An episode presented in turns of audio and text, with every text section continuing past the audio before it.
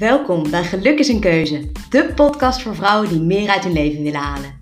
Ik ben Pauline Hendricks en in deze podcast deel ik tips, tricks, motivatie en inspiratie die jou gaan helpen om jouw gelukkigste leven te leiden.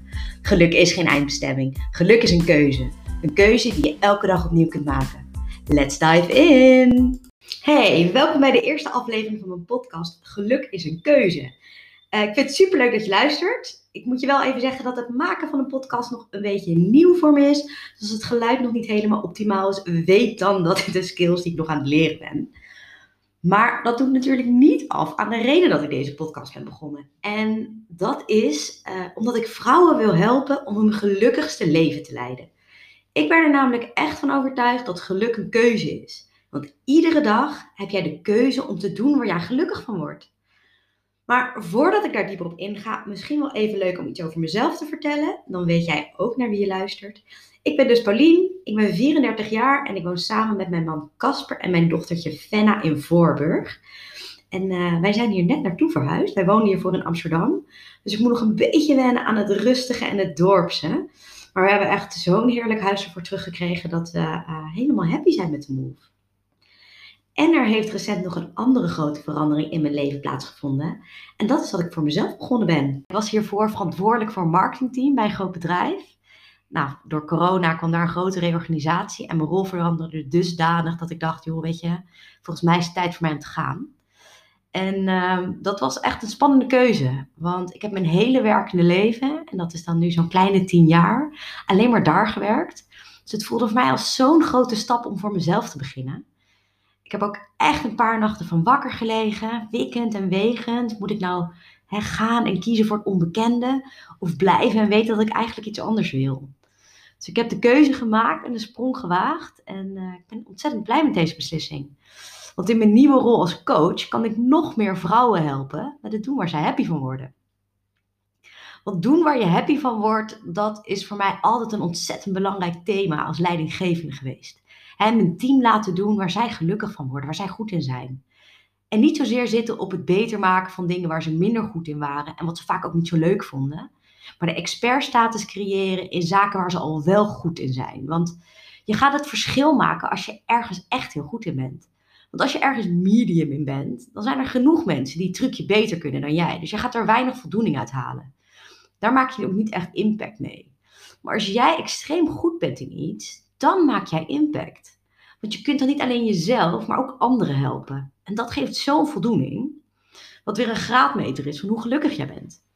Dus nou, long story short. Ik ben dus als coach begonnen en ik wil vrouwen inspireren en motiveren om bewuste keuzes te maken die in lijn liggen met hun geluk. Dus dit betekent het helder krijgen van je doelen en waar je heen wilt. Zodat je kan focussen op wat belangrijk is. Dat je je hoofd- en bijzaken beter, beter weet te scheiden. Dat je actie onderneemt, momentum creëert. En vooral dat je grenzen stelt en nee zegt. Want nee zeggen is iets wat wij vrouwen zo moeilijk vinden. En dan kom ik toch weer terug op, geluk is een keuze. En het is vaak geen makkelijke keuze. Maar het is wel een keuze. Ja, en voordat je denkt, nou allemaal leuk en aardig. Hè, ik heb een drukke baan en die is echt niet altijd even leuk. Ik heb twee kinderen die de tent afbreken als ik ook maar één tel kies voor iets voor mezelf. Of hè, misschien heb je wel net je baan verloren of zit je met een burn-out thuis. Dus ik snap dat de keuze voor geluk niet makkelijk of vanzelfsprekend is. Ik bedoel, ik heb daar ook vaak genoeg last van. Maar weet je wat het is? Vaak is het dat jij je keuze niet altijd herkent. En dat komt omdat je gewoontes hebt ingebouwd die jou niet verder helpen. Een klein voorbeeld, hè? zul je vast herkennen. Het eerste wat ik s'morgens altijd nou ja, niet meer doe, maar wel deed, was mijn telefoon pakken en door mijn Instagram scrollen. Of mijn e-mails checken, um, of weet ik veel, nieuwsites bekijken. Maar wat er gebeurt als je dat doet, is dat je je dag al begint met het ingaan op behoeftes van die van een ander in plaats van die van jezelf. Dus ik haal dat nog een keer, omdat ik wil dat je dit echt even hoort. Je begint je dag met het ingaan op de behoeftes van een ander in plaats van van jezelf. En ik weet nog toen ik dit voor het eerst hoorde, dat ik echt dacht, holy crap, dit klopt. Ik begin mijn dag al gejaagd, terwijl ik het slaap nog niet uit mijn ogen gevreven heb. Dit slaat nergens op want je leest die e-mail van je baas waarin hij of zij aangeeft dat de plannen toch anders moeten. Nou, daar baal je van. Of je leest over alle ellende in de wereld. En dan word je al geïndoctrineerd met negatief nieuws. Of eh, je reageert op dat kattenfilmpje van je tante, wat geinig is, maar totaal niet van toegevoegde waarde op dat moment. Het zijn allemaal zaken waar je je dag niet mee wil beginnen. En ik zeg niet dat het niet belangrijk is. Ik zeg dat het op dat moment van je dag, dus als je net wakker bent, niet je prioriteit is. Want je wil je dag beginnen met rust en focus, zodat jij in charge bent van jouw dag. En jouw dag kunt leiden, in plaats van dat, hè, dat jij geleid wordt door jouw dag. En ik geloof daarom ook heel sterk in het hebben van een goede ochtendroutine. Omdat dat houvast geeft aan hoe jij, hè, hoe jij wil dat je dag eruit gaat zien. En dat je zo de bewuste keuze kan maken over wat er die dag belangrijk voor je is en wat niet. Dus kap met het pak van je telefoon elke ochtend en zorg dat je even rustig opstaat en nadenkt over wat wil ik doen vandaag.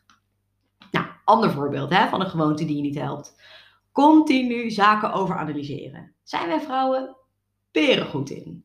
We zijn bang om een keuze te maken. We wikken en wegen alle opties totdat we ons wegen.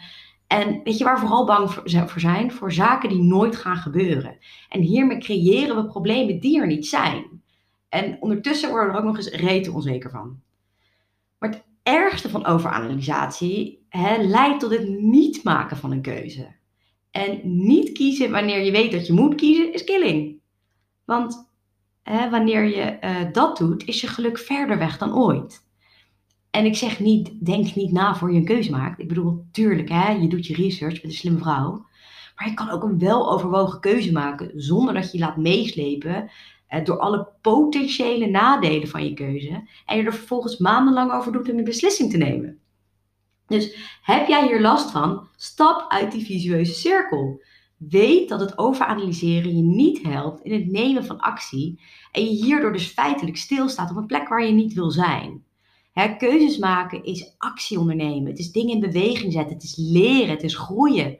En wanneer jij groeit, weet je dat je werkt aan je geluk. Want groei brengt voldoening en voldoening geeft geluk.